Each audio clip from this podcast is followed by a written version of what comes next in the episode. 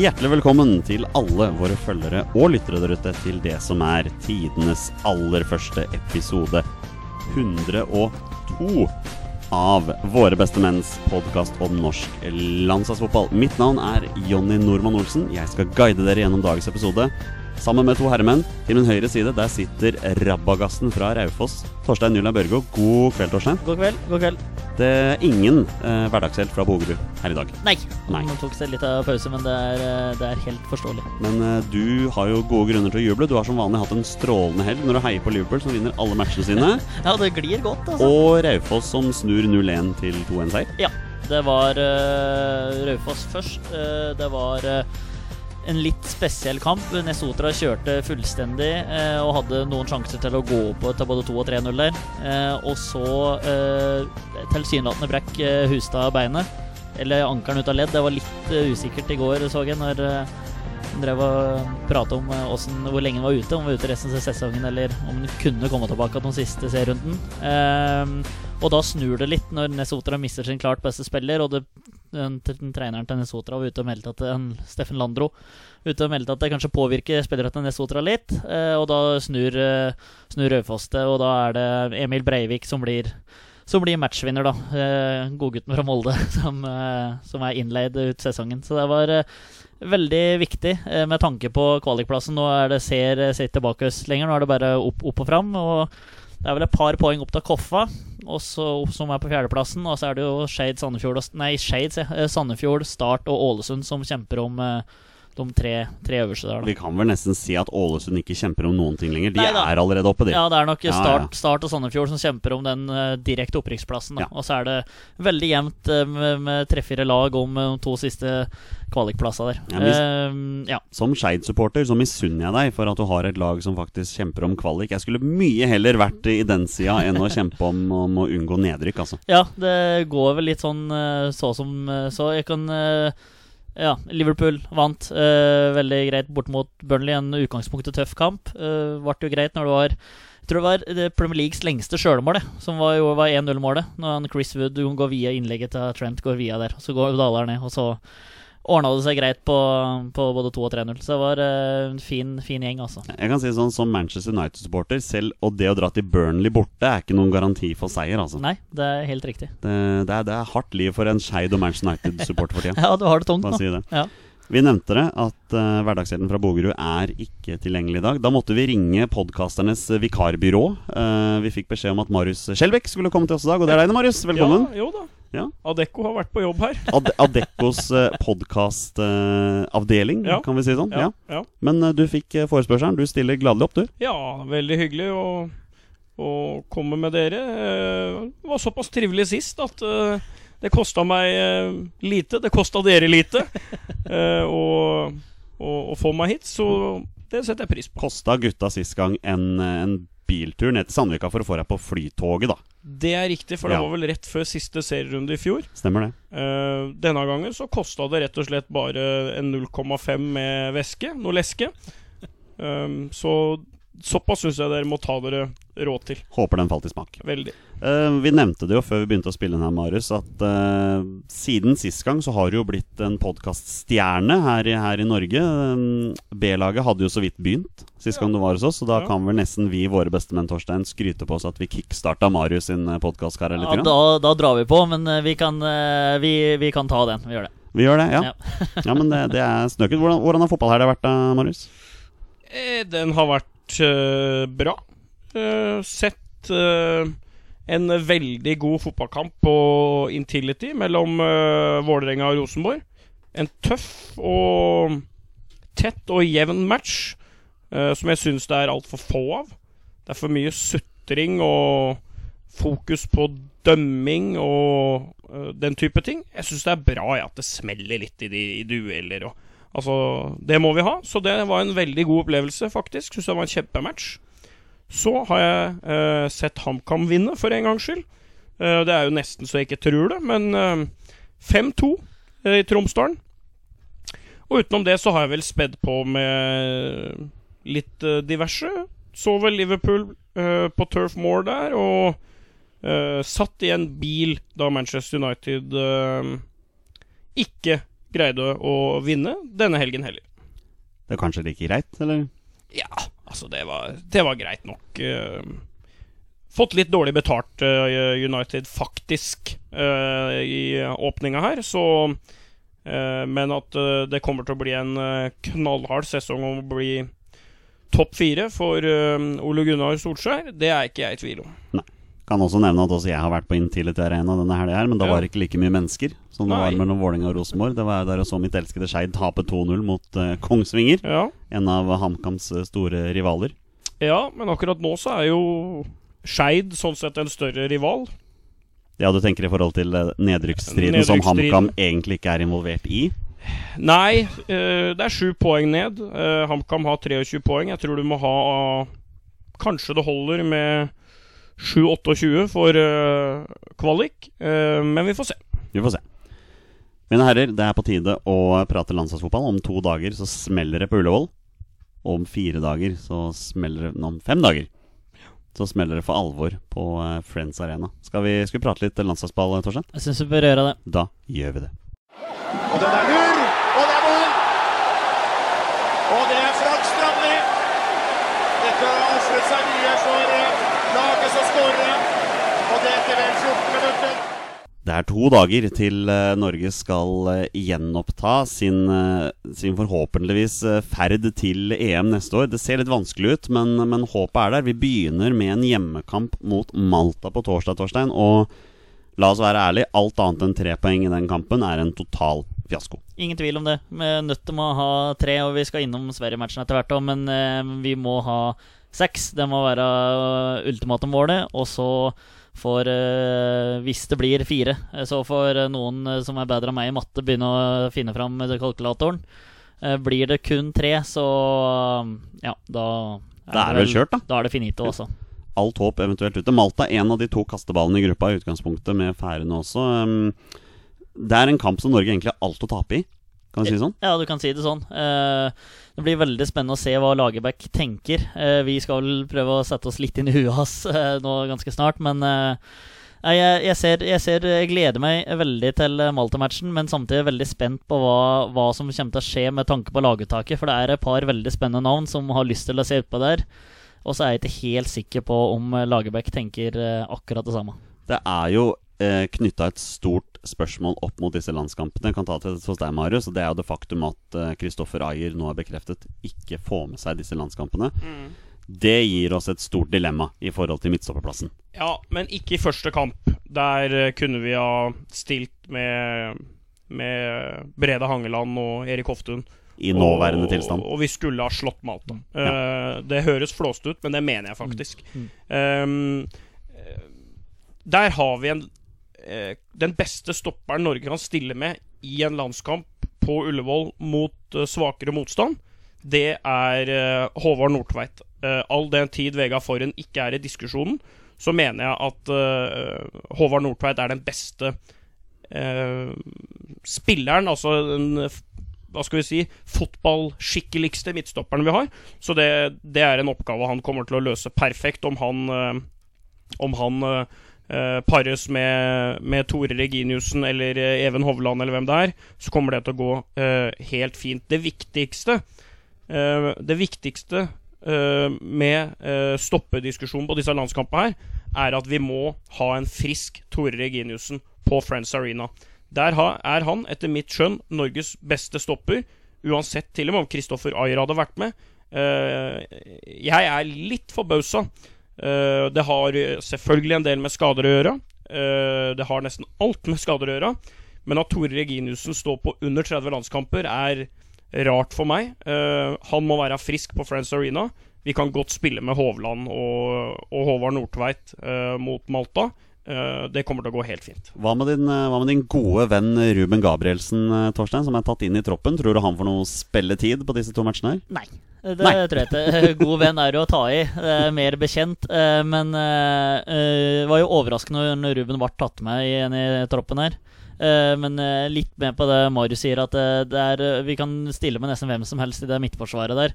Malta skal eh, vi eh, banke ganske greit på Ullevål.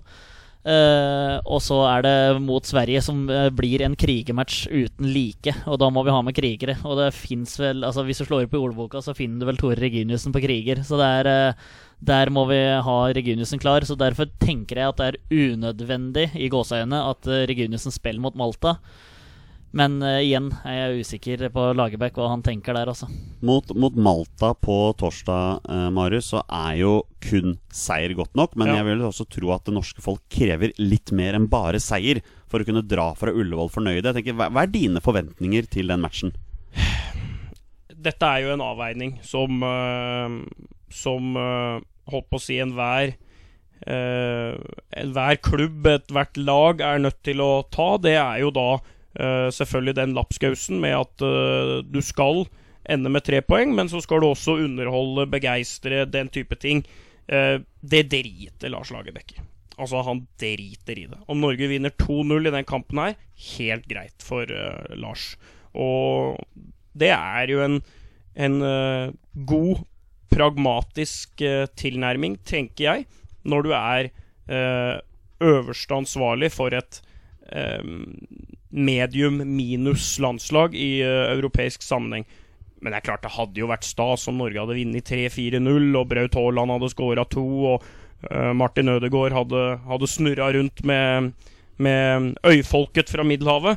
Men det, det tror jeg heller får komme som en konsekvens av at jobben gjøres. Jeg synes at under Lagerbäck så er jo dette her bananskall vi aldri har sklidd på.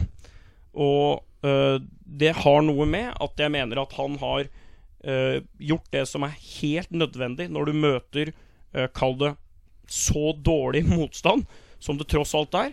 Det er rett og slett å minimere all mulig risiko, trilling, feinschmecking, der vi er overlegne lag som Malta, San Marino, kanskje Liechtenstein, Gibraltar Altså det, de, de svakeste landa, det er faktisk på fysikk. Det er på fysikk og på ork og på øh, Og på liksom det fysiske aspektet så er Norge så utrolig mye bedre enn disse lagene. Vi er selvfølgelig mye bedre på en del annet òg, men i alle fall der. Ved å slå litt langt, ved å trøkke dem litt tilbake, ved å liksom hele tida stresse dem, det mener jeg eh, er den helt, helt riktige eh, medisinen mot sånn motstand. Og det syns jeg egentlig Lagerbäck har, eh, og Norge har løst veldig bra de siste to, to og et halvt år. Dette har vi snakket om tidligere, Torstein. Lars Lagerbäcks fokus på at det er kun seieren som teller, og ikke så veldig mye mer enn det. Men eh, hva med oss fotballsupportere? Tenker jeg før en kamp mot Malta. Kan vi gå fra Ullevål fornøyde med en 1- eller 2-0-seier i en helt grei match mot Malta? Ja, men hva er på en måte forventningen sånn Altså, hva er det du har sett før som skal tyde på at Norge skal briljere og spille Malta trill rundt, spille uh, Kall det Barcelona-fotball eh, og vinne 4-0, og sånn som Marius sier, da, med at Ødegaard skal drille rundt og Haaland skal brassesparke inn uh, hat trick. Eh, det er liksom eh, det der jeg er litt usikker på. Det er, eh, som igjen Marius sier, at eh, Lagerbäck gir blanke fanden i om, eh, om det blir 1-0 eller 3-0. Altså. Det tror jeg ikke han bryr seg noen ting om. Som fotballsupporter har du alltid lyst til å se underholdning, men når du er fra Norge, så må du nesten ta, ta, det, som, ta det som det er. Altså. Eh, og det som eh, overrasker meg litt, da er at når Lagerbäck ble ansatt som landslagssjef, så er det på en måte den defensive tryggheten som du tenkte først på. Og så rakner det mot Romania og Sverige eh, på rappen. Der du slipper inn fem mål mot dem, og da har du ledelsen i begge matcha. Eh, da møter du et nordisk lag da i Sverige som har den samme attributta Mm. som det Marius er inne på her. Romania, som er en gjeng med krigere, men at det skal på en måte når du skal lede 2-0 mot Sverige der, og så slippe det så nedpå eh, Det er sagt gjentatte ganger i podkasten her, det skuffer meg veldig. Eh, samme, samme med Romania. Eh, men det kommer aldri verden til å skje mot Malta, for Malta er et så mye dårligere lag enn det Sverige og Romania er, at de har eh, ikke nubbesjans til å nesten skal skape noen sjanse mot oss på Ullevål. Eh, så mm, bananskall kommer aldri verden til å skje, blir klink H, eh, men hvor mye det gir J litt blanke i, og det gjør i hvert fall med Lars Lagerbäck. Vi kan vel egentlig bare la den Malta-kampen ligge allerede nå. For det Ja. er den kamp nummer to som er, liksom, er den store og den viktige kampen. Det er søta bror som står på andre sida. Det er Sverige. Det er et lag vi hadde elsket å slå. Men gjør vi det, Marius? Eh, sannsynligvis gjør vi jo ikke det, men eh, eh, Sverige er ikke all verden. Sverige tapte hjemme mot eh, Tyrkia eh, i fjor høst. eh, på faktisk samme måte som det vi har gått opp i liminga i våres. Og Sverige er svekka. Uh, Viktor Claesson er vel ute. Eh, spør du meg, kanskje Sveriges beste landslagsspiller eh, fra VM til nå.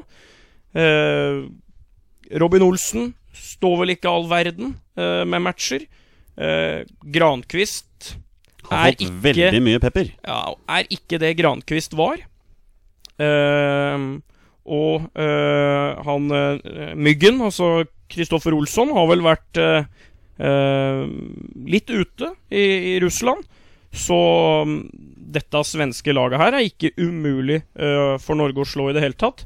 Men uh, jeg vil tro at om uh, det fins en eller annen landslagspod i Sverige som heter uh, 'Våra bästa pojkar', så ser jeg vel for meg at det er jo mulig å det jo mulig å finne noe minus ved Norge òg.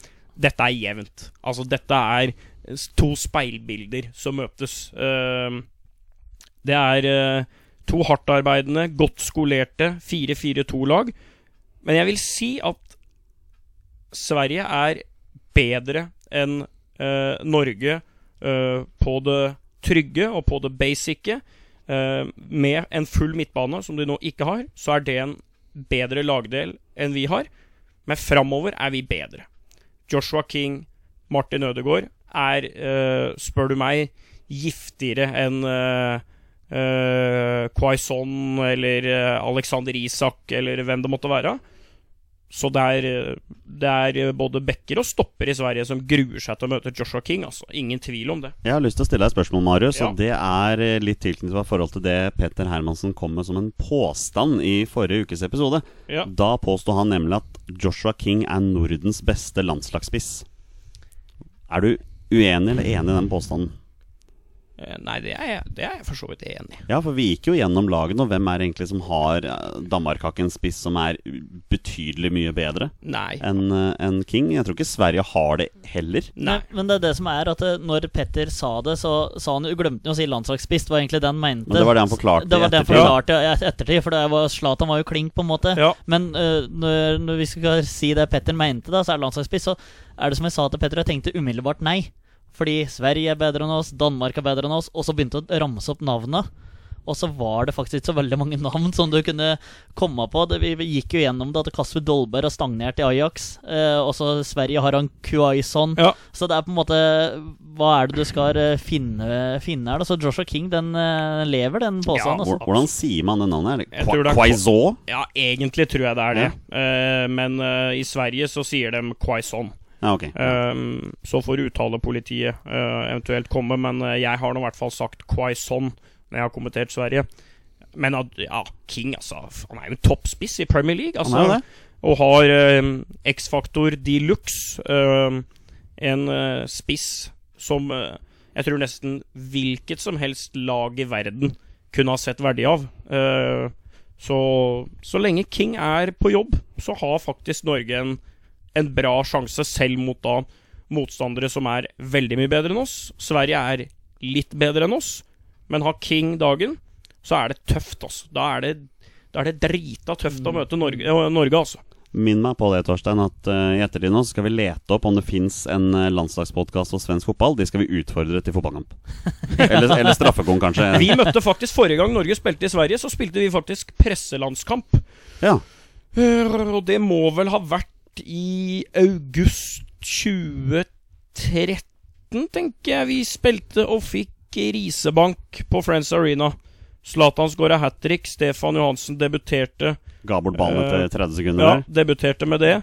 Eh, da spilte vi faktisk presselandskamp mot eh, Sverige. Endte 5-5. Oi! Vi Ja. 5-2. Uh, per Jarle Heggelund mista totalt huet som kaptein og arrangør for Norge. Uh, ett gult kort for å skjelle ut dommeren, og ett gult kort for ei forferdelig, forferdelig sein takling, tror det var på Glenn Strømberg. Eh, Så det var et eh, eh, grusomt eh, øyeblikk. André Bergdølmo skåra på et frispark fra 40 meter for oss, husker jeg. Eh, Mini hadde vel en brukbar kamp. Vegard Bakkehaug i mål. Ikke all verdens kamp for oss. Uh, hadde heller ikke en kjempekamp, uh, Marius Skjelbæk, på verken høyre flanke eller høyre ving. Men jeg tror jeg hadde en assist. Ja. Viktig å ta med seg. Ja, må, Ja. Du må ta med deg det, det du kan. Så nei, dere får, uh, dere får si fra åssen det har gått. Ja, vi kan nesten bare gjøre det. Boys, vi, uh, vi tar ut elveren. Og nå, nå tenker jeg vi lar bare Malta-kampen ligge. Ja. Det viktigste her er hvem som starter mot Sverige. Og vi kan vel i utgangspunktet bare hoppe over keeperplassen. Det er vel ikke noe poeng å diskutere hvem det er som skal stå i mål her. Sondre Rossbakk kommer til å få sin debut i mål på Friends Arena mot uh, Sverige. Nei, det er jo ikke det vi snakker om. Nei. Rune Jarstein. Ja, ja, han Bankers. står. Han står. Men så er det da midtstopperplassen. Vi hadde en poll. Vi la ut en poll i går når det ble bekreftet at Kristoffer gikk glipp av kampene. Hvem ville det norske folket se? 68% er klare i sin tale. Tore Reginussen og Håvard Nordtveit er midtstopperparet de vil se Ja, da, og det blir det jo. Så Det det, er det. ingen, det, det er heller ingen disk Med mindre Håvard Nordtveit uh, drar på seg uh, et rødt kort, eller at han uh, Han kan vel ikke tillate seg et gult et heller, muligens. Nei, nå ble jeg litt usikker, faktisk. Uh, med mindre han drar på seg en skade eller et rødt kort, så blir det Nordtveit ganger uh, Tore Reginiussen. Og det mener jeg er det helt åpenbare. Uh, rutine, erfaring. Uh, med Nordtveit så har du uh, selvfølgelig en del du mister. Han har en tendens til å til å ikke stå 90 minutter, syns jeg. Men du har innkastene hans, du har oppspillene hans, og med Tore så har du, har du Norges beste midtstopper, i mine øyne, sammen med Kristoffer Ayer. Eh, så den, eh, den duoen er eh, ved friske bein klink. Men det har vel blitt ganske lite spilletid på Håvard Nordtveit i det siste, Torstein? For klubblaget? Ja, det har vel nesten vært utfryst fra Hoffenheim der. Eh, vi får nå se, da. Men det, er jo, altså, det er jo egentlig ingenting å diskutere. Det er Nordtvedt Reginiussen som kommer til å spille mot, mot Sverige. Eh, ingen tvil om det. Men- Hå men Hovland vil, sånn som jeg ser det øh, øh, Vi må jo Altså, hvis du ser øh, La Liga, Premier League, Serie A, League A, Bundesliga Ser du en sju-åtte kamper der øh, hver øh, helg, så er det klart at da blir det vanskelig å snakke om norske spillere. For det, for det nivået er det ikke mange som er. Men hvis du ser på hylle, ikke hylle to, men kanskje på hylle tre-fire, da, som Rosenborg er nå. Tross alt, Europa League. De ligger der og vaker et sted sånn eh, med noen nederlandske, belgiske klubber etc., etc. Så er ikke Even Hovland heller et elendig valg.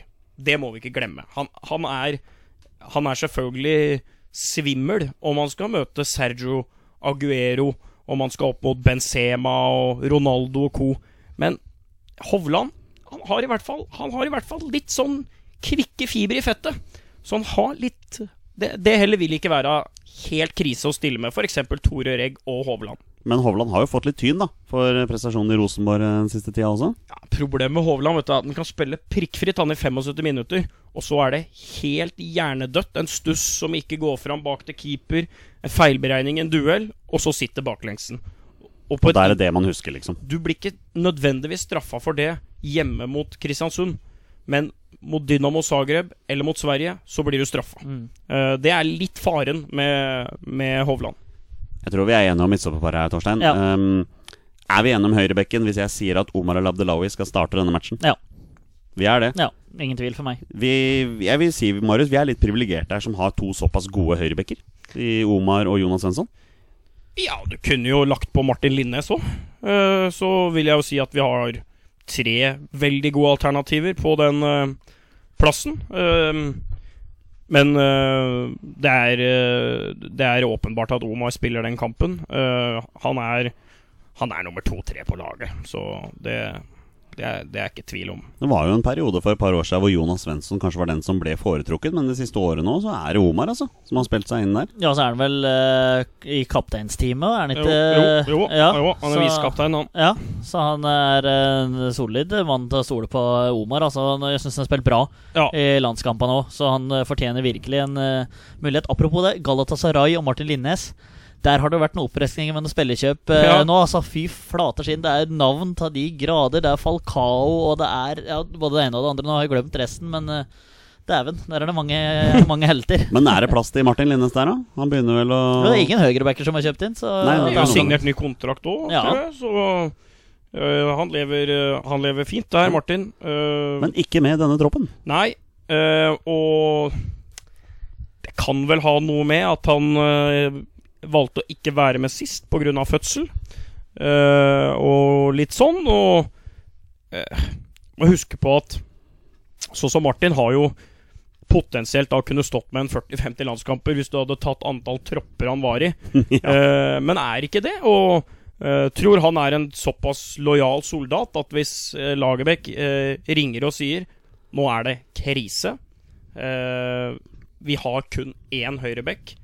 Han holder ikke to matcher. Det betyr vi bestiller en vare nå. Litt som med André Hansen, ikke sant? Ja. Uh, og det, det føler jeg blir kanskje fair. Altså det, det handler ikke om at Martin ikke vil spille for Norge, at han ikke syns det er stas, men på, e, på et eller annet tidspunkt så har du nærmest gjort ferdig uh, Gjort ferdig tjenestetida di som en landslagstreningsspiller, føler jeg, da. Så det tror jeg er eh, helt fair. Fikk jo en landskamp på høsten her hvor, i fjor hvor han eh, kom inn når det var overtid og gikk ned til hjørneflagget for å holde på ballen, Ja, og klarte ikke det. Nei, da blåste dommeren av kampen. dommeren. Så, ja, så jeg tror det, tror det var, eh, var der det satt. Man fikk en landskamp der, da. Ja da. Ja, da. Begynner du å kjenne på en strekk her, Torstein? Ja, det er uh, spilte kamp i går, og det Er det ei lita eh, krampe som kommer her, da? Jeg trodde det var sånn diabetes. Jeg trodde Ja, det var føling her. Ja, nå. Jeg tror vi skal la Torstein være litt i fred, Marius, og så kan du og jeg finne ut av hvem som skal spille venstrebekk fra start her. Birger Meling eller Haitam Alesami? Personlig ville jeg valgt Birger Meling. Ja. Uh, men uh, det blir nok ikke han, Du, tror jeg. du tror det blir Haitam? Ja, altså Lars var jo Han var jo veldig fornem med Birger eh, lenge. Um, men er nok også vært veldig glad i Haitam. eh, for det første er han venstrebeint, det er jo Birger Meling òg, men uh, Haitam og Bir Nei, jeg syns den, den duellen er jevn, da. Begge to med en fryktelig ork. Begge to med bra fart. Ehm, Birger, sånn jeg ser det, bedre defensivt, men det har kanskje bare noe med hvordan at, at jeg ser han mer også. Men eh, jeg tror det blir Haitam, altså. I alle fall i, i første match der, så får, får vi se. Og i, i bakhånd der så ligger Simen Juklerød og venter på en innkalling på landslaget snart. eh, Ja. Den tror jeg tar lang tid før kommer. Altså, han, vil Ja. vel, han prater vel seg vel inn på landslaget sjøl og prøver vel Ja, for du eh, likte ikke det. Han prøvde jo på det i fjor, du. Ja, nei, kjære venn, du må, du må levere skal du inn på landslaget. Du kan ikke drive og melde i media at du burde vært med her og der. Du må prestere. Men eh, hva med deg? Birger eller Haitam? Birger. Du går for Birger? Ja. Men det er ikke noe Ingen sånn derre 'herregud, du er eh, dust hvis du er det alle sammen'. Ikke noe der i det hele tatt. Men- Eh, Men det, det er veldig jevnt. Men eh, litt mer på det defensive tryggheten Ja. til Meling borte mot Sverige der. Ja, Og det, alle sammen flyr fra seg mot Malta. Det er der jeg tror det blir, altså. Men jeg, eh, nå skal vi finne ut av hva som er vår eh, startelver til den kampen. Jeg går også for Haitam, Mm. sånn som Marius sier, og så blir det Haitam. Ja. Da blir det Haitam, da. Ja, du vet, Lagerbäck liker ikke å endre for mye. Nå Han må han endre uh, Nå må han endre på stoppera sine. Mm. Det er uh, noe som snakker Birger Meling opp der, er naturligvis relasjonen som man allerede har til Tore Reginiussen. Ergo så vil det være mindre uh, Det vil være mindre jobb for Perry og de andre i forkant med å skolere de to sammen. Så det er klart, det er jo også et element her. Høyrekanten er vel ikke noe poeng å bruke veldig mye tid på. Martin Ødegaard er ledestjerne, han skal vel spille omtrent alle landskamper fra nå og fram til han blir 33, Marius. Ja, han spiller, det er ikke tvil om. Ja. Men uh, høyre, høyresida her med en Martin Nødegård og Omar har potensial til å bli ganske bra, altså. Ja, det kan uh, skape trøbbel, det, for, uh, for svenska. Altså, uh, Martin liker å dra seg Altså, det er ikke høyre kant, høyre kant. Det er å dra Nei. seg inn i mellomrommet der, så du spiller en skeiv 4-4-2. Og da kommer Omar løpende på Det er akkurat det som er uh, veldig fint. Så Mm. dette her uh, ja, altså, Når vi begynner å prate liksom framover i banen, så begynner vi å få ordentlig trua på dette her. Uh, det er det som er fint, men òg du gjør det laglig til høgg da, når du, når du prater opp landslaget og sånt. Men Martin Ødegaard er høyrekanten, ingen tvil om det. Hva tenker du om relasjonen mellom Martin Ødegaard og Omar Labdelawi Abdelawi der borte, Marius? Kan det bli Sveriges bane? Eh, ja Ja Jeg er usikker på om liksom om, om det er kombinasjonen som liksom kommer til å avgjøre en kamp. Men, eh, men de er bra. De var veldig gode veldig lenge mot eh, Romania, som er eh, tøff og god motstand. Beste 75 minuttene Beste 70 minuttene med norsk landslagsfotball på mange, mange år. Så hjelper jo ikke det når du holdt på å si driter deg ut de siste 20. Men det var nå en gang bra. Da syns jeg både Omar og Martin var veldig gode. Venstrekanten, eh, Torstein, den er jo litt uh, tricky. Stefan Johansen har jo vært en som har blitt brukt veldig mye der. Vi har jo aldri latt oss imponere han på den sida der. Markus Henriksen fikk jo faktisk prøve seg som venstrekant her en tid tilbake. Vi har Tariq som potensielt kan spille der. Hvem vil du ha? Jeg tenker Tariq mot Malta og Stefan mot Sverige. Okay. Eh, det er det jeg tenker. Eh, at det er både Martin og Tariq mot, eh, mot Malta, og så er det Martin og Stefan mot, eh, mot svenska. Eh, men altså dette her er, det er litt sånn som Marius inne på. eh, hvor mye er det du skal rullere på, eller rotere på etter landslaget her nå? Når du er en fyr som ikke er så veldig glad i forandringer og vil ha det, ha det samme laget hele tida. Og så må samtidig Han òg må tenke at Malta skal være overkjøring, og det skal være tre enkle poeng. Han sier jo sjølsagt ikke det til gutta, men han tenk, må jo te ha det i bakhuet. Uh, så jeg lurer på om det detter ned på Stefan mot Sverige, altså. Hva med deg, Marius? Hvem vil du ha? Uh, nei, det er jo det, det mangler jo en spiller der. Uh, altså, vi mangler jo den opplagte Opplagte flanken da i, i 4-4-2, syns jeg.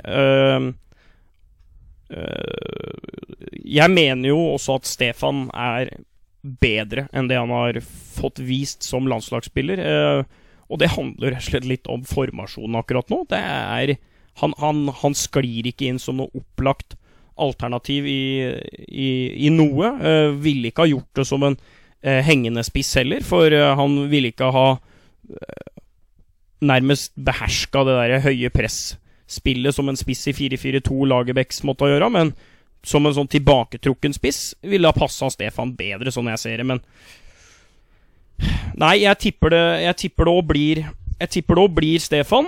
Um, og så blir jo da spørsmålet inne i midten der, da. Hva du, hva du gjør. Uh, han vil jo uh, ha duellkraften til Markus Henriksen, er jeg ganske sikker på. Uh, han har jo også vært en veldig betrodd uh, Lagerbäck-spiller, men er jo helt ute av det der han er. Spiller jo ikke kamper.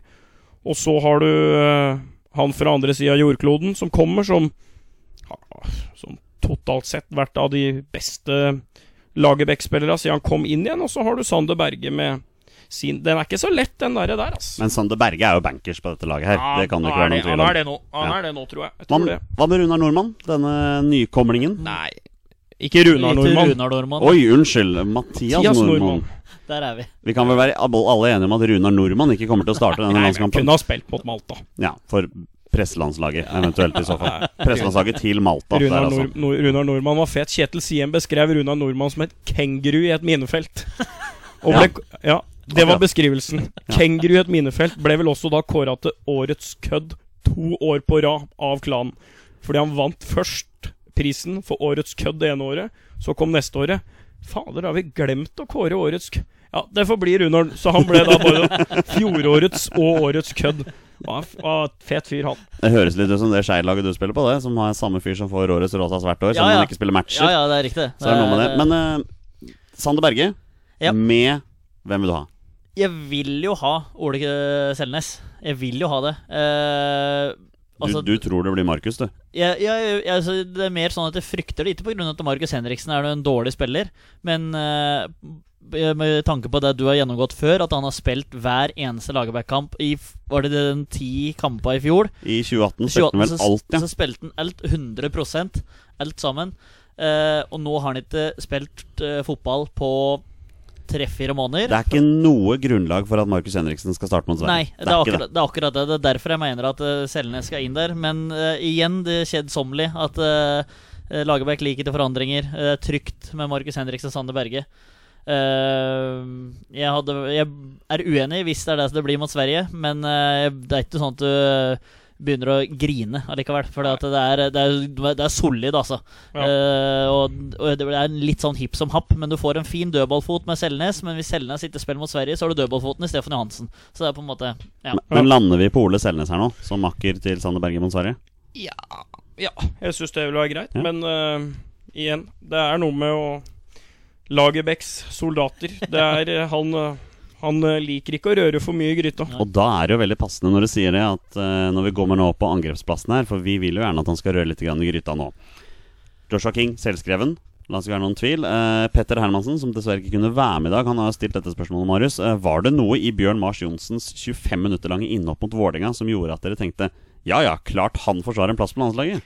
På ingen måte. Eh, hvis du hadde stilt meg spørsmålet Var det noe i uh, Bjørn Mars Johnsens 30 år lange liv som gjør at han hadde eh, forsvart en plass på landslaget? Ja. Landskampen hans. Ja. Og that's it. Ja, ikke sant? Jeg har nesten aldri sett den spesielt god noe annet sted enn de innhoppa han har hatt for landslaget. Ikke noe, ikke noe blendende vakkert da heller, men han sikra oss tre poeng på Færøyene. Han uh, har skåra på Ullevål. Uh, Kjempeoffside, vel å merke. Uh, skåra på Island.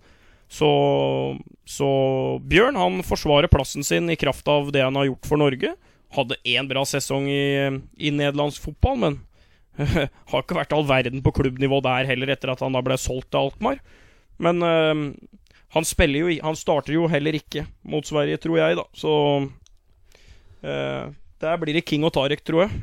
Noe Ja. annet ville overraske meg veldig. Å, ja, men vi har jo Alexander Sørloth som presterer nede i Tyrkia her nå, da. Ja, men nei, nei ikke den kampen. Ikke den kampen. Nei. Eh, der vil Lagerbäck ha Der vil Lagerbäck ha fart og uro og, og punch. Og da Da går han med Tarek alle dager i uka sammen med King, tror jeg. Tarek på hjemmebane, kan vi nesten si det sånn. Jeg vet, Ja, det er jo AIK spiller Ja, vel det matchene sine på Friends Arena? Ja, det? jo, Ja, jo, riktig. Det var jo AIK og Djurgården i helga. Så det Mm. var en fin match. Men så er det denne Braut, da. Som endelig er på landslaget. Og jeg tenker jo mine, mine tanker er at han får sin landslagsdebut mot Malta. Jeg vil veldig gjerne se han på banen mot Malta. Sannsynligvis ikke fra start. Han kommer sannsynligvis inn og får en halvtime, tenker jeg. Håper det. Men er det i det hele tatt aktuelt at han får spilletid mot Sverige, Torstein? Eh, nei, men da må du ligge under, og så må du kaste innpå det du kaster innpå kan, skal jeg si. Uh, da er det jo fort en mulighet. Uh, har altså, vi har jo fryktelig lyst, sånn fra supporters øye, så har du lyst til å se Braut Haaland fra starten mot Malta. Men så leser jeg et le, intervjuet i går med Lagerbäck med tanke på at han bare hadde sett Haaland for første gang nå, på en måte. At han veit hvem fotballspilleren er, men ikke hvem personen er. Eh, så det for meg uh, hinter at Braut Haaland ikke blir kasta rett inn, på, inn fra start her, når det er ei trening, og den er vel i dag. Uh, og så er det vel noe greier i morgen, og så er det matchen. Så jeg tviler jo på at Braut Haaland er fra start, men å få den siste halvtimen mot Malta, det hadde vært veldig fint å komme inn på Si vi leder 2-0, da. Så kommer Haaland inn og flyr fra seg litt der. Eh, mot Sverige så er, følger Marius med King og Tariq. Eh, og at da, at da uh, Sørloth starter mot Malta sammen med Joshua King. Det er, jeg blir litt bitter over at du sier det. Vi skal sitte her nå og finne ut av hvem vi vil se startervern. Og jeg vil jo ikke se Tariq i startervern, jeg vil gjerne se Alexander Sørloth. Men jeg forstår tankene deres, gutter, og jeg blir jo ikke overrasket hvis det er sånn det blir. Nei. Men Sørloth er i bra form nede i Tyrkia nå, altså. Ja da, men eh, Bjørn, er, Bjørn er nærmere òg. En startplass mot Malta, tror jeg. Ja. Tror jeg. Så Bjørn og King mot uh, Malta? Jeg blir ikke overraska. Da ble jeg skuffa, kjenner jeg. Jeg føler at Sørloth fortjener muligheten nå, altså. Det kan du godt si, og det gjør jo sånn sett Braut Haaland òg. Altså, alle Ja. fortjener det, men Og Bjørn Mars òg, med tanke på prestasjonen sin på landslaget. Så Ja, vi kan på en måte forsvare alt mulig her, da. Ja. Eh, men hvis vi skulle hatt bestemt, så hadde det vel blitt uh, King og Sørloth, altså Braut, få, få halvtimen. Men Ja. det er jo litt Ja. Men vi ser jo klart fordelen ved å møte et lag som Malta. ja. Så ser de en klar fordel av å ha en som er suveren i det luftrommet. Sånn ødela Drillo dårlig motstand. Sånn elsker Lagerbäck å ødelegge dårlig motstand. Om det være seg San Marino eller Færøyene, eh, som riktignok er et litt spesielt lag, da, som er noe så sjelden som et, et fysisk veldig bra, men dårlig lag. Det pleier jo veldig ofte å være eh, sånn at du er veldig dårlig på det og veldig dårlig fysisk. Der er jo Færøyene faktisk litt bedre. Men jeg tipper det blir Bjørnar King. men er er ikke en av HamKam-spillerne som spiller på Færøyene? Jo, som heter Færø. Oddmar Ja. Færø. Han var veldig god, han. Ja. Eh, Han var veldig god, han, i, på, på Færøyene, syns Ja. jeg. Litt sånn svær fyr bak der. Ja da. Ja. Ja da. Eh, han var god, han. Ikke sant? Det høres ut som vi lander på et lag, eh, mine herrer. Det blir eh, Rune Jarstein i mål. Det blir Omar El- El Abdelawi på høyre bekk, og det blir Haitam Al-Sami på venstre. Tore Reginiussen og Håvard Nordtveit i midtforsvaret. Martin Ødegaard på høyre. Så blir det Stefan Johansen på venstre. Sander Berge og Ole Selnes. Ja, så blir det Joshua King og Tarek Elonossi på topp, da. Det gjør nok det. Ja. Hvis Hedmark Oppland får bestemme, Ja. så, så blir det det. Innlandet. Ja, Innlandet. Innlandet trumfer Stor-Oslo her akkurat nå. Jeg er jo Oslo-gutt, men bor i Bærum, så kan vi si det er Stor-Oslo. Det er kanskje litt snill. Ja da, men vær snill, det kler deg best. Ja, men takk skal du ha. På denne dag Det er på tide med sesong tres første utgave av På denne dag. Og siden Petter Hermansen ikke er her i dag, så spør jeg deg, Torstein Børgo, hva er På denne dag? Ja, på denne dag eh, Det er jo eh, Vi skal jo tilbake til tid her. Vi skal jo finne en eh, landskamp som har spilt nøyaktig på denne dag. Og om det er 10 år siden, 20 år siden, 15 år siden, eller ettersom, det er jo du som har funnet. Så da får vi kanskje gjette eller mimre om vi husker noe til dette her. da, Marius er jo ja, 29 i morgen, var det det? Så, eh, men han er jo eh, omtalt som en meget gammel herremann. Så vi får vel se om kanskje Marius husker dette her, da. Jeg mistenker at uh, Marius eh, har kunnskap om samtlige landskamper jeg har med i dag. Det er eh, 3. september det er snakk om. Um, Torstein, hvor mange kamper tror du jeg har med i dag? Nå sa du jo kamper, R, så du avslørte det jo litt sjøl der, men uh, skal vi si tre, ja. Torstein Børgo, i dag har jeg med fire Å, kamper som er spilt på den herrens dag 2003. Marius Skjelbæk, hvor var du 3. september 2015? Da var Marius eh, Skjelbæk i Sofia og så Norge slå Bulgaria 1-0. Vegard Forhund målskårer. Det er helt riktig. Det er akkurat det der. Torstein bare sitter og rister på huet. Han ble rett og slett imponert. Jeg så den kampen hjemme på Tøyen, som jeg bodde på da. Ja. Veldig fint hodestøt av Vegard Forhund. En kamp Norge, Ja, vel, en kamp Norge det måtte var vinne. i, i, ikke hodestøtt. Det var hel volley. Var det det det Var var? det ikke pasning fra Stefan som la inn på et fri, korridorfrispark, som Vegard Forhund breisida Jeg tror ikke det var hodestøtt. Nei. Nei. Tror ikke det. Men det var en kamp vi måtte vinne. Det var en kamp vi måtte vinne, og det var eh, skinka til Even Hovland som eh, redda oss i angrepet til Bulgaria like før. Hadde den blåst inn Vi sleit fryktelig lenge uh, i den kampen. Det var grisevarmt. Uh, og Norge litt sånn Litt sånn på kjelka. Uh, kom vi hjem her, og så Vi kom hjem her da en eh, en fredag, ja. Eh, så var det da trening, styr, greier lørdag. Og så slo vi Kroatia 2-0 på Ullevål søndagen. Stemmer det. Det var den der, ja. Så da var det Den, den helga var en mm. kanskje Høgmos beste helg, faktisk, som landslagssjef. Torstein, så du, Bulga så du Bulgaria-Norge? Jeg husker mer Kroatia-matchen, som var som var inne på der. Uh, Bulgaria-matchen tviler jeg på at jeg fikk med meg. Den uh, hadde jeg nok huske. Men da spør jeg deg, Torstein, hvor var du 3.9.2014? Jeg har jo ikke klisterhjerne på dette her, vet du. Uh, men jeg var jo ikke på Ullevål. Nei, det var du ikke. Nei, jeg var var, heller, ikke. jeg var heller ikke det, der denne kampen ble spilt, sikkert. Nei, Han hadde blitt overraska, men eh, ja, så overraska hadde jeg egentlig ikke blitt. Um, 3.9.2014 taper Norge 1-0 borte mot England. I det som vel kanskje er bunnrekord for det engelske landslaget i forhold til antall tilskuere på Wembley noensinne. Jeg mener det stemmer. Ja, det tror jeg nok er riktig.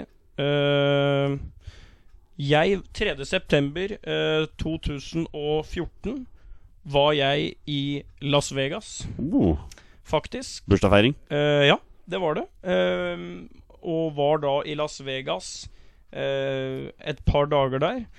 Men eh, vi Vi åpner jo den kvaliken. Eh, vi åpner jo den kvaliken noen dager etterpå, faktisk, og taper 1-0 mot Italia hjemme. Stemmer det. Eh, han uh, Satsa som scora.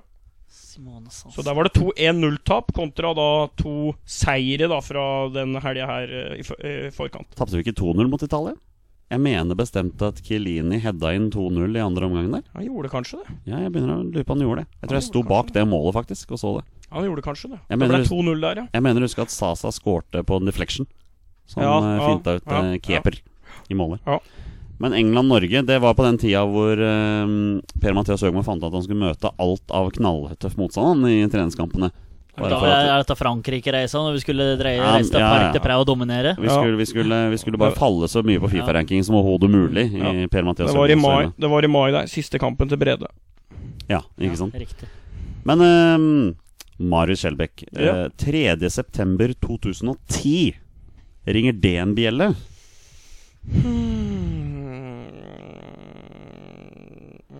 Hmm. Ja, det gjør kanskje det. Var ikke da vi feide over Skottland, da? Nei, det var ikke det, vet du. Eh, men vi vant. Vi vant 2-1 borte mot Island. Stemmer det? Ja, ja. Å, faen meg, dette burde jeg huska. Vi lå under 1-0. Yep. Så scora Brede rett før pause. Så scora Moa rett etter pause. Den dagen flytta jeg inn i min leilighet på Torshov. Ja. Så jeg hørte kampen på radio. Jeg kjørte en hvit Volkswagen Caravelle og hørte denne kampen på radio. Olav Tråen, eller? Olav Trån, tror jeg, og Karl Petter Løken som kommenterte den kampen. Første kamp i kvaliken til EM 2012, Ja. mener jeg bestemt at det var. Ja, det stemmer jo det. Ja. Det stemmer jo det. Husker du denne kampen, Torstein? Nei. Nei. Det overrasker meg ikke. i det hele tatt Men da lurer jeg på, Torstein, hvor var du 3. september 2005? Jeg var nok ikke på Ullevål. Eh, Men kan du svare på hvor du var? Nei, det kan jeg jo heller ikke. Eh, 13 år gammel gutt. Sikkert på skolen, da. Sikkert på skolen? Ja. ja. Marius, du hadde vel begynt din karriere som uh, frilansjournalist? si. Ja Nei, det hadde jeg nok ikke. Uh, Det begynte, året etter begynte jeg nok. Så dette var da en høstkamp, og da snakker vi da foran da 06-VM, ikke sant? Stemmer det. Uh, mm, mm, mm. Vi var vel i eh, Vi var vel i gruppe med Italia, var vi ikke det? Jeg husker denne kampen veldig godt. 3.9.2005 vinner Norge 3-2 borte mot Slovenia. I en kamp Gamsen som skårer. Gamsen skårer langt på Ja overtid da, der. ja, da, Ja. riktig det. Fant, Kommer gjennom fantastisk chip. Veldig Ja. deilig chip der. Mm. Mm. Eh, det er jo den ene kampen eh, der Klaus Lundekom skåra to mål i sin landslagskarriere. Dette er en av dem. Ja. Den andre var jo da med tissen Ja. Hjemme mot Island. mot, uh, mot Bosnia. Var det Bosnia Ja. den var, ja? Tusende der, ja. Jeg ser, det er ikke bare. Nei, det er ikke det. Det er ikke det. Vi, får, vi får klippe bort dette. Men her, var Men skårer ikke Er det da øh, Ikke Bjørn Helge Riså, vel? Som, han, oh. men han skåra vel en, en bortekamp der, han òg. Ja, mot, mot Bosnia. Mm. Det var faktisk en bortekamp, det Ja. også. Ja. Mm. Eh, men 3. september, da to seier og to tap, da. Ja. Ja. Ja, men det er 50% Det er bedre enn det det har vært eh, mange ganger Det er på denne dag-opplegget ditt. Vært noen datoer som har vært ganske mørke, altså. Det er riktig. Det er det. Skal vi, skal vi avslutte med en runde 20 spørsmål, eller? Ja, det er vi nødt om. Er vi nødt til det? Ja, Ja. det tror jeg. Da gjør vi det.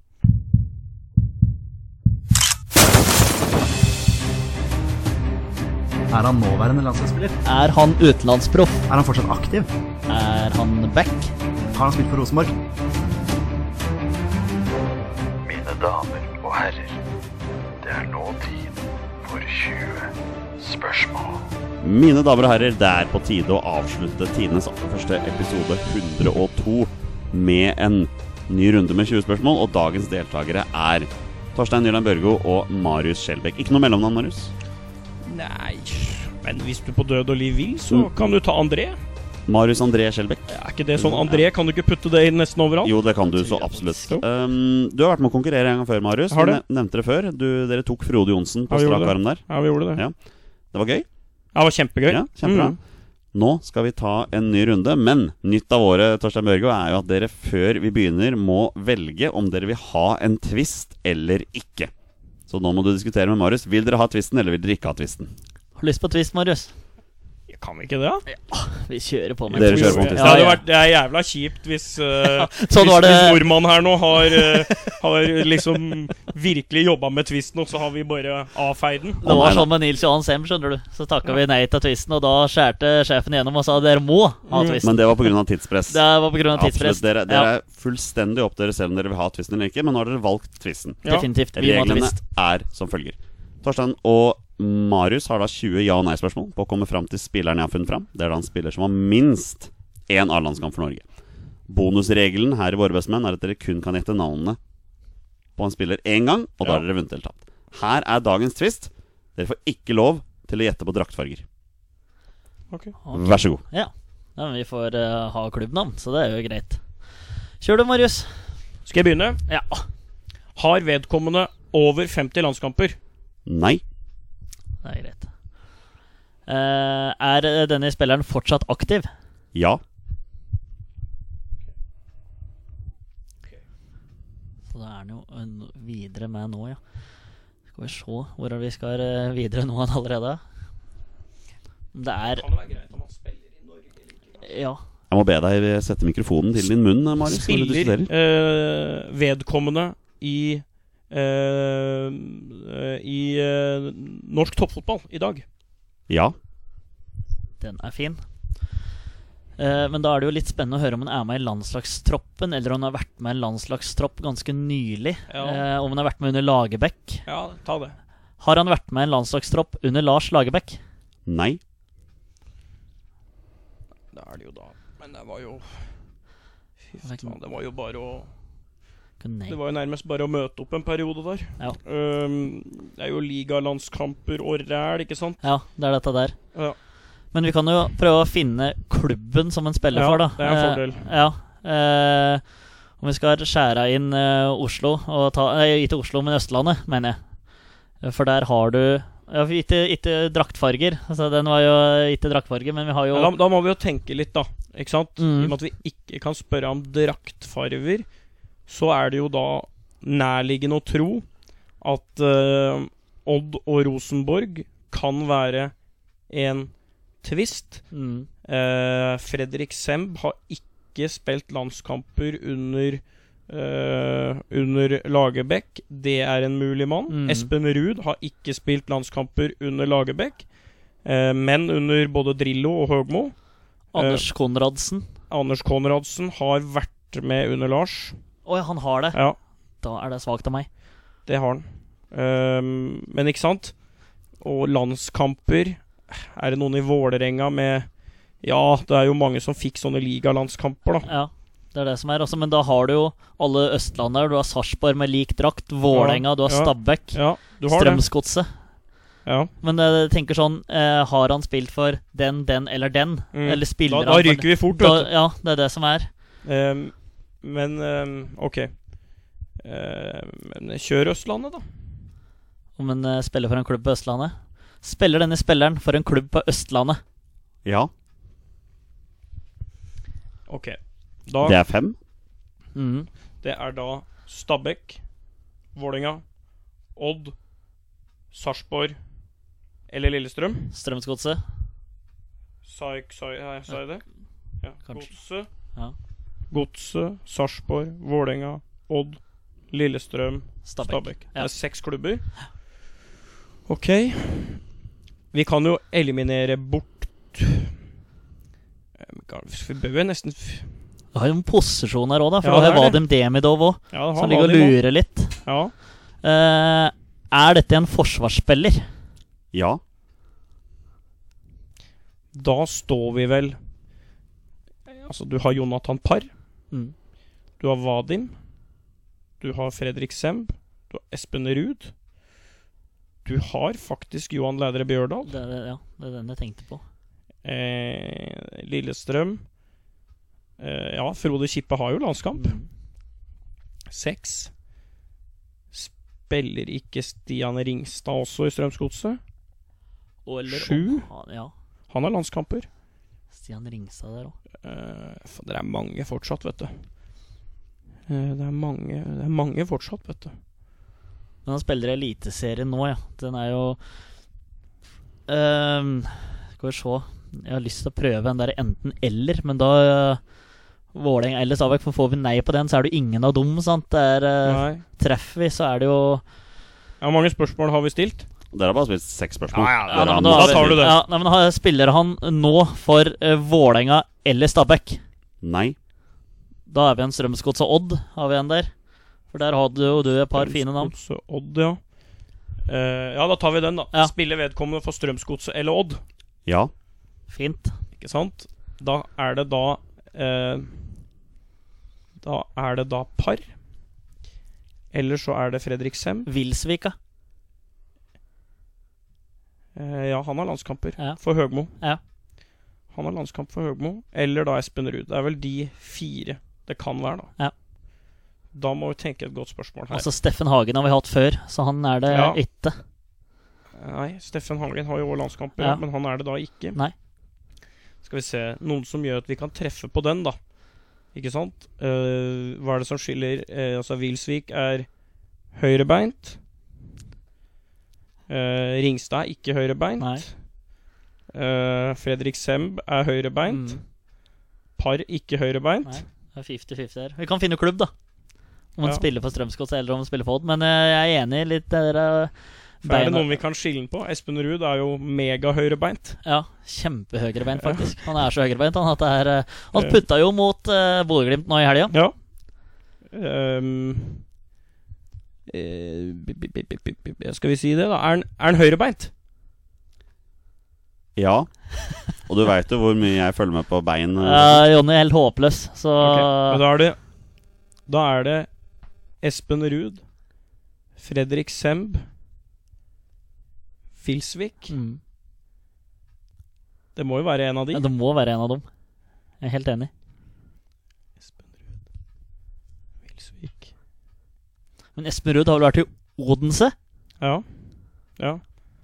Men ja, han eh, Ja, og, og Wilsvik var jo bare Var jo 11 sekunder uh, i, som Eintracht Braunschweig-spiller før han terminerte kontrakta. Ja. Så han har ikke vært utenlands. Nei. Fredrik Sem har vært i Danmark. Ja, han òg. Ja, spør, ja, har, han vært, har han vært i dansk fotball? Ja. Da er det en av er de det. En av de to Det er ti, så da er du halvveis. Ja. Eh, Sem Berge var med på bronselaget, skal jeg si, i 2013. Ja, Det var han. Har han bronse fra et uh, U21-mesterskap? Nei. Da er det jo Det er jo helt jævlig hvis vi har uh, Hvis vi har Du tror vi har det, ja, altså. ja, jeg tror jeg, Skal vi høre om han scora mot Bodø-Glimt, da? Ja, det kan jo være Wilsvik òg. Nei, han har jo ikke vært i dansk fotball. Ja, Skåra han mot Bodø-Glimt i helga? Det gjorde han. Ja, nei, men da tror jeg, jeg tror ikke Fredrik Nordkvelde har noe særlig på høyrebacken å gjøre, eller forsvarsspillere å gjøre, altså. Nei. Da skal du få spørre spørsmålet, du, altså, Ja. Marius. Jeg tror du kan poppe det. Er det Espen Ruud? Gutter? Det er Espen. Ja! Ja, ja, Det Det er klart det det der. er Espen Ruud. En, i hvert fall snakk om her i Norge. ja. Har eh, spilt hele sin aktive seniorkarriere i Odd. Kan du ungdomsklubben hans, eh, Marius? Også tre bokstaver. Eh, pu, pu, pu, pu, pu. Også tre bokstaver. Ja. Lyn? Nei, han er jo nedi, han er jo nedi derifra. Telemarking, han. Ja, det tror jeg. Født i Porsgrunn. Ja. Og kan jo da Ikke sant, Porsche er jo ikke tre. Uh, hva kan det være? Kan være Odd. Riktig svar er hei. Hei, ja, selvfølgelig! Hei heter klubben. Ja. Har jo x antall kamper for Odd. eh, Først mellom 2003 og 2008. Så var han seks år faktisk i Odense. Mm. 197 kamper og 19 mål der. Og nå har han vært i Odd siden 2015 og skåra faktisk over 20 mål. Ikke gæren for en høyrebekk, men han er jo en rabagast på frispark, da. Huskes vel eh, dessverre best eh, som norsk landslagsspiller for uh, to misser uh, på dødball imot mot uh, Sveits. Da Skjær skåra begge, vel. Og Espen Ruud ikke hadde sin beste, beste kamp. Drillos siste som norsk landslagssjef, var det vel? Hvor mange landskamper fikk uh, Espen Ruud, min herrer? 17. Nei, jeg tror faktisk han fikk mer. Si 21. 35 Ja, det- landskamper det er fikk, eh, Mm. fikk Espen Ruud. vanvittige druser mot Borussia Dortmund her, da. Ja, ja, Det ja. er han også. Den ja. eh, satt klistre. Men det var første seriemålet som skåra mot Bodø-Glimt nå i år. Ja. ja. Så han ble jo nesten toppskåreren til Odd i fjor. Så Ja. han eh, var eh, Men 19 mål på 197 kamp for Aalborg som høyre Nei, for, som Oden for Odense. Det er ganske bra tall, det, ja, eller? veldig greit. Ja, det må være veldig det må være fint, det. Og Ja. en stabilt bra spiller. I hvert fall i norsk Ja, ja, eliteseriefaktor. Veldig. ja. Ikke sant? Veldig bra. Mine herrer, det er på tide å avslutte dagens episode. Episode 102, Torstein. Du har hatt det bra, som du pleier å gjøre. Helt eh, suverent. Marius, igjen, tusen hjertelig takk for at du tok deg tid til oss i dag. Veldig hyggelig. Ja, Eh, nå er det Nå er det tilbake på jobb for meg. Ja. Eh, ikke i kveld, men eh, det er Malta først. Og så blir det Friends Arena. Så får vi se om håpet fortsatt da lever. Hvis ikke så blir det en litt tung tur til uh, Bucuresti i høst, eh, kjenner jeg. Men eh, skal klare det òg. Altså Med tanke på at du, du er jo aktiv i podkastmiljøet du også, så må det være deilig å være i en podkast og snakke fotball til en forandring. Ja, det må jeg si. Eh. Når vi tross alt har en podkast om fotball og livet som handler svært lite om fotball, og i aller høyeste grad mest om livet, Mm. så er det hyggelig å, å være i en slags ny livets sirkel hvor fotball er eh, vel det eneste temaet, Ja, ja, det er fort det. si. Og hvis vi inviterer Marius om et år igjen, så blir det jo en tradisjon, dette her. Ja. For det er jo rundt eh, dette tida her vi har, hadde Marius i fjor òg. Ja, altså jeg, jeg er litt redd for å mase på han, men jeg tror han trives her. Veldig jeg bra. veldig Jeg, kom, jeg kommer igjen. Dere må ikke være redd for å spørre. Jeg skal avslutte dagens episode med å stille deg et spørsmål som jeg også stilte Petter Wæland for et halvt år tilbake. Han har jo også en podkast, La Liga Loca. Ja. Det trehodede trollet, som jeg alltid kaller det. Hvis B-laget hadde vært et trehodet troll, hvilket av hodene hadde Marius Skjelbæk vært? Hvis B-laget hadde vært et trehodet troll Bestående av deg, Simen Stamse Møller og Jes Mathisen. Ja. Hvilket av hodene hadde du vært? Petter Wæland mente jo at han var det venstre, Ja, fordi Magnar Kvalvik var det midterste, for han styrer jo styrer Ja. skuta der. ja Simen må jo være midten hos oss, vet du. Det, Ja. det ville ha tatt seg et Simen er penest òg. Simen har en symmetri i ansiktet som er en sånn Dressmann-reklame verdig. Så jeg, jeg tror det hadde blitt eh, Jeg tror det hadde blitt eh, venstre, altså. Venstre. Ja, jeg tror faktisk det. Eh, jeg tror det. Og vi skal ikke være en av de podkastene som spør hvordan Simen som mulig fikser håret sitt, for det har jeg skjønt at veldig mange andre gjør. Ja, nei, det, han, han Nei. har gitt et svar på det en gang. Ja, ikke sant? Vi lar det bare ligge. Igjen, Marius, takk for at du stilte. Bare hyggelig. Vi er våre beste menn. Heia Norge. Heia Norge! Heia Norge. Og Hei. hei.